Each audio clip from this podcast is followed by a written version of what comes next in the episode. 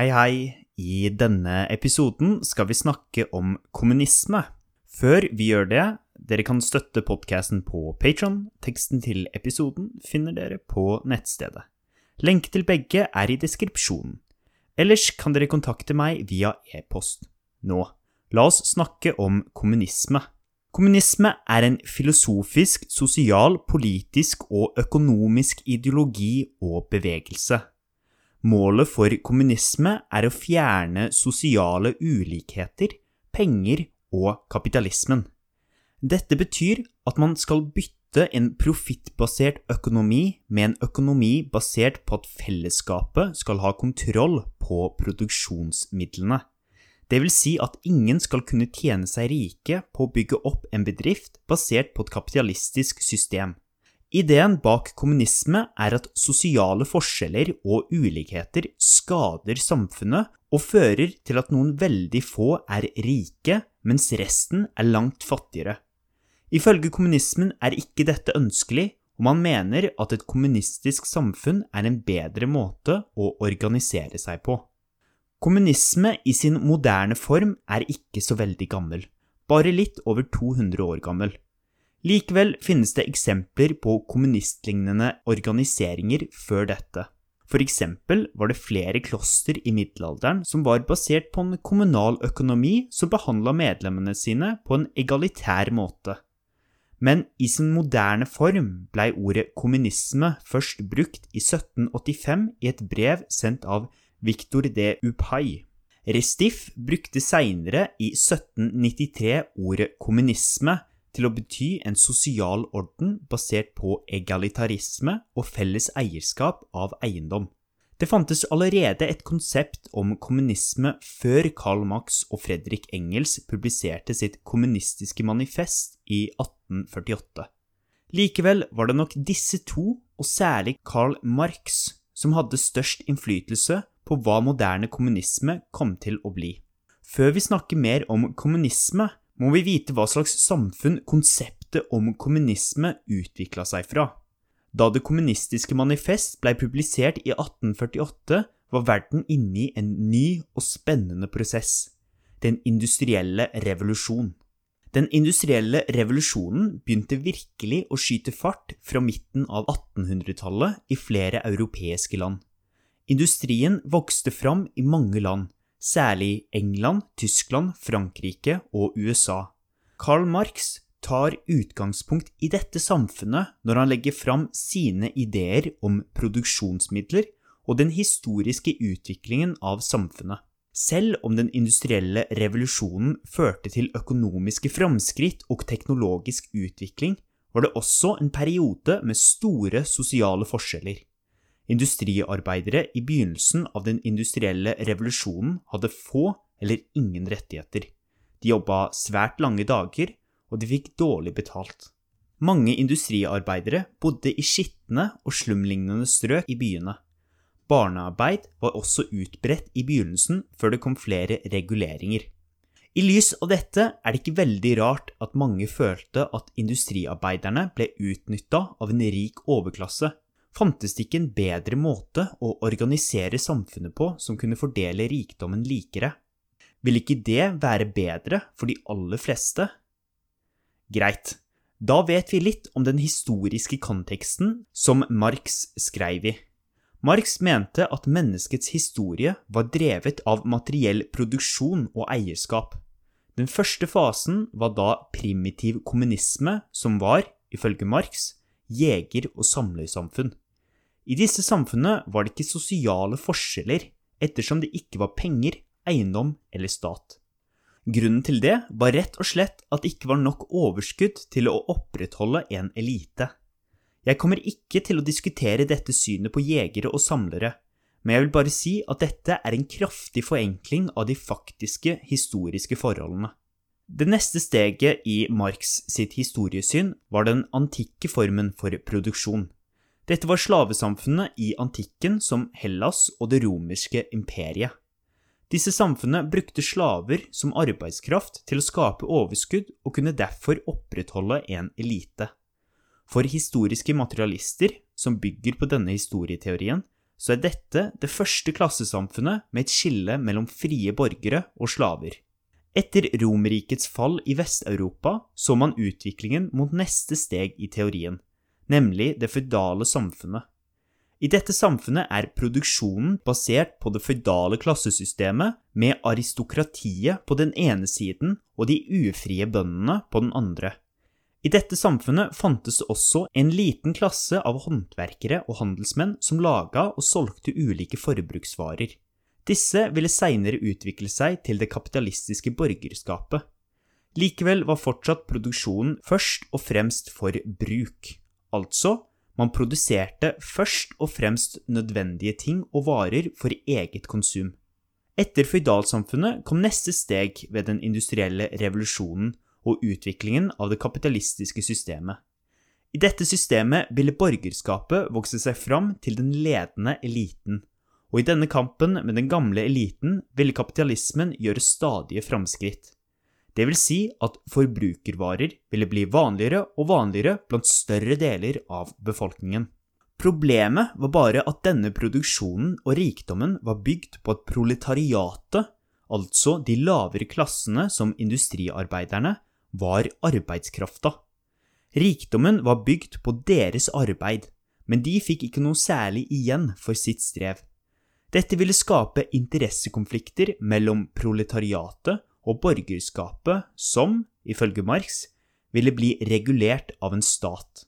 I dette nye samfunnet ville større og større deler av befolkningen flytte fra bygda og gården til byene og bli en del av det moderne industrielle proletariatet. Marx mente at dette systemet ikke var bærekraftig ettersom markedet ikke kunne ekspandere i all evighet. Det ville nå et metningspunkt. Da ville systemet bryte sammen. Marx mente selv at han levde i dette steget av historien. De neste historiske stegene lå i framtida og var derfor egentlig ikke historiske, ettersom de beskrev hva som ville skje. Ifølge Marx ville det kapitalistiske samfunnet gå mer og mer mot en krise som ville føre til at proletariatet så seg nødt til å ta makta fra borgerskapet i en revolusjon. Proletariatet ville altså bli den revolusjonære klassen som ville tvinge fram et kommunistisk samfunn. I første omgang ville samfunnet gå gjennom en lavere form for kommunisme basert på proletariatets diktatur. Dette var bare et nødvendig mellomsteg for å stabilisere utviklingen mot reell kommunisme. Altså skulle en liten, dedikert elite av proletariatet lede samfunnet mot reell kommunisme. I denne første fasen av kommunisme vil man gradvis innføre kommunisme og avskaffe kapitalisme. Det siste steget i historien ville være den høyeste formen for kommunisme, eller reell kommunisme. Konseptet om stat, nasjonalitet, familier, sosiale klasser, penger, eiendom, forbruksvarer, proletariatet, arbeidsdeling, religion, ideologi og markeder ville opphøre. Dette var konsept som hørte til kapitalismen og ville, ifølge Marx, ikke eksistere i et kommunistisk samfunn. I dette samfunnet ville man jobbe etter evne og få etter behov. Det ville ikke være noen elite som fikk mesteparten av inntektene. I dette samfunnet ville folk være like. De færreste av historikere i dag tror at historien beveger seg slik som det blir beskrevet av historiske materialister. Produksjonsmetoder, sosiale forskjeller og økonomi har utvilsomt en stor innvirkning på den historiske utviklingen, men det styrer ikke hele den historiske utviklingen. I tillegg er det svært problematisk å beskrive framtidige utviklinger, rett og slett fordi vi ikke kan spå framtida. Det er ingen som vet hvordan framtida vil bli. Uansett hvor mye man studerer historien, og hva tidligere mennesker har gjort og utviklingstrekk der, så kan man ikke spå utviklingen av historien. For å se et eksempel på dette er det bare å se på kommunismens fall i Øst-Europa i 1989. Om du hadde spurt eksperter på området i begynnelsen av 1989 hvor lenge kommunismen ville vare i Øst-Europa, ville nok de aller fleste ha sagt flere tiår, og i hvert fall ikke det samme året. Vi kan nemlig ikke spå framtida. Man kan selvsagt også kritisere det materialistiske historiesynet på flere punkter, men vi beveger oss videre for å se enda mer på kommunisme i praksis. I teorien høres kommunismen veldig fin ut. Det er et egalitært samfunn der folk jobber etter evne og får etter behov. Det er ingen elite eller undertrykkelse. Er dette gjennomførbart i praksis? Vel, det har blitt prøvd ut flere ganger, og ingen av disse samfunnene var nære den idealistiske, teoretiske framstillingen beskrevet av Marx. La oss fokusere på det første kommunistiske landet i verden, Sovjetunionen. At kommunismen først skulle utvikle seg i Russland, var veldig overraskende for mange, spesielt de som holdt seg til det samme historiesynet som Marx. Ifølge Marx ville revolusjonen starte i de mest utvikla og avanserte kapitalistiske samfunnene i verden. Det var i disse samfunnene proletariatet ville ha utvikla seg lengst, og dermed være klar for å lede revolusjonen. Dette var derimot ikke det som faktisk skjedde. Revolusjonen skjedde ikke i de mest utvikla landene i verden som Storbritannia, Tyskland eller USA. Nei, det skjedde i Russland, et land som på 1900-tallet hadde et langt mindre avansert kapitalistisk system enn de andre landene. Russland begynte den industrielle revolusjonen langt etter de andre landene.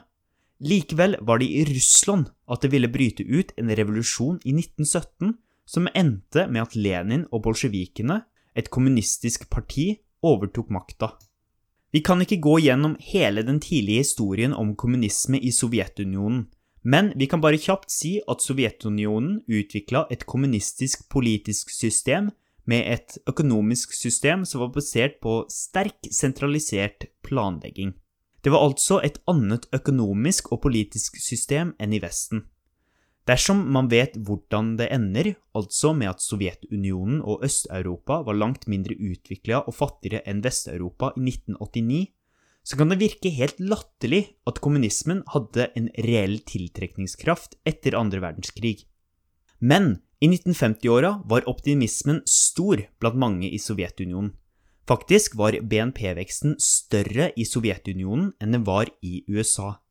Mange mente at dette ville fortsette, og at Sovjetunionen til slutt ville bli et rikere land enn USA.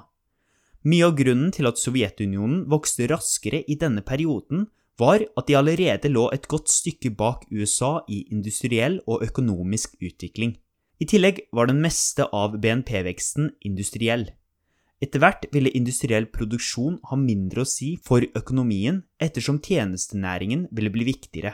På sikt ble derfor gapet mellom den kommunistiske østblokken og den kapitalistiske vestblokken bare større og større. Vestlige kapitalistiske samfunn var altså et bedre system enn det kommunistiske østblokksystemet i teknologisk utvikling, økonomisk vekst og produksjon av forbruksvarer. Når det gjelder politisk og personlig frihet, så var det kommunistiske systemet i Sovjetunionen og østblokken langt mer begrensa enn i vestblokka. For eksempel var det svært begrensa pressefrihet og ytringsfrihet i de kommunistiske landene i Øst-Europa. Disse frihetene var langt bedre beskytta i Vest-Europa. I tillegg var landene i vestblokken i langt større grad demokratiske enn i østblokken. Det fantes noen unntak, som eksempel diktaturene i Portugal og Spania, men selv disse landene ville utvikle seg til demokratiske og stabile land med stor grad av personlig frihet. Jeg er ikke i tvil om at jeg heller ville bodd, og vil bo, i et demokratisk land som respekterer individuelle friheter og rettigheter, framfor et diktatur uten ytringsfrihet. Men hva med miljøet? Kapitalismen har ført til et økonomisk system der mye hele tiden vil ha mer. Er dette bærekraftig over tid? Har ikke kapitalismen ført til et stort press på ressurser og høyere klimautslipp? Jo, dette er utfordringer som man har i et kapitalistisk system, men jeg tror ikke kommunisme er løsningen. For eksempel har kommunistiske land vært skyld i noen av de største menneskeskapte klimaødeleggelsene i historien. La oss for eksempel se på Aralsjøen, den tidligere fjerde største innsjøen i verden mellom Kasjokstan og Usbekistan. På 1960-tallet endra Sovjetunionen flere av elveløpene til elvene som førte til innsjøen til irrigasjonsprosjekt i regionen. Dette førte derimot til at innsjøen krympa mer og mer, til i 1997, da den bare var 10% av sin originale størrelse og splitta i separate nye innsjøer. Her var det før et yrende dyreliv med masse fiske. I dag er området svært forurensa, innsjøen er en skygge av sitt tidligere seg, og det har blitt kalt en av de verste menneskeskapte klimakrisene i historien. Men dette er jo ikke ekte kommunisme, vil kanskje noen si. Vel, personlig har jeg liten tro på kommunisme som ideologi. Den høres bra ut i teorien, men jeg tror ikke den er gjennomførbar på en større samfunnsplan. Det finnes eksempler på suksessfulle kommunistiske systemer i liten skala. For eksempel er det flere kibbutz-samfunn i Israel som har vært bygd på en sosialistisk modell som har vært ganske suksessfulle. Likevel finner man ikke det samme i en større skala. Sovjetunionen stagnerte økonomisk, begrensa personlig frihet og førte til noen av de største menneskeskapte klimakrisene i historien. Men hva med andre kommunistiske stater? Dersom du ser på historiske og nåværende kommunistiske land, er det ingen som har hatt en velstand eller respekt for demokratiske rettigheter på lik linje med de mest utvikla demokratiske, kapitalistiske samfunnene i verden. For eksempel kan vi nevne Nord-Korea, Laos, Vietnam, Cuba og Kina, som er de nåværende landene som beskriver seg selv som kommunistiske land. Av disse er det kanskje Kina som er mest spennende, ettersom de har hatt en massiv økonomisk vekst og teknologisk utvikling i det siste. Kanskje kommer Kina til å ta igjen USA på et tidspunkt i BNP per innbygger, men det må nevnes at mye av veksten deres til nå er knytta til økonomisk og teknologisk gjenhenting. Men når det gjelder respekt for menneskerettigheter, ytringsfrihet og demokrati, er Kina langt mer begrensa. Med dette sier jeg ikke at kapitalismen er et perfekt økonomisk system. Det er det ikke. Det er vel heller ikke bare én form for kapitalisme, akkurat som det ikke bare er én form for kommunisme. Uansett har jeg liten tro på at kommunismen kommer til å løse alle verdens problemer. Kommunismen har historisk vært svært annerledes enn slik det burde ha vært i teorien. Den har blitt prøvd ut flere ganger uten at jeg har blitt overbevist. Likevel har kommunismen ført til mye interessant tenking rundt klasse, økonomi og undertrykkelse. Men jeg tror ikke på kommunismen som et ideologisk fundament som en stat kan bygge sitt politiske og økonomiske system på.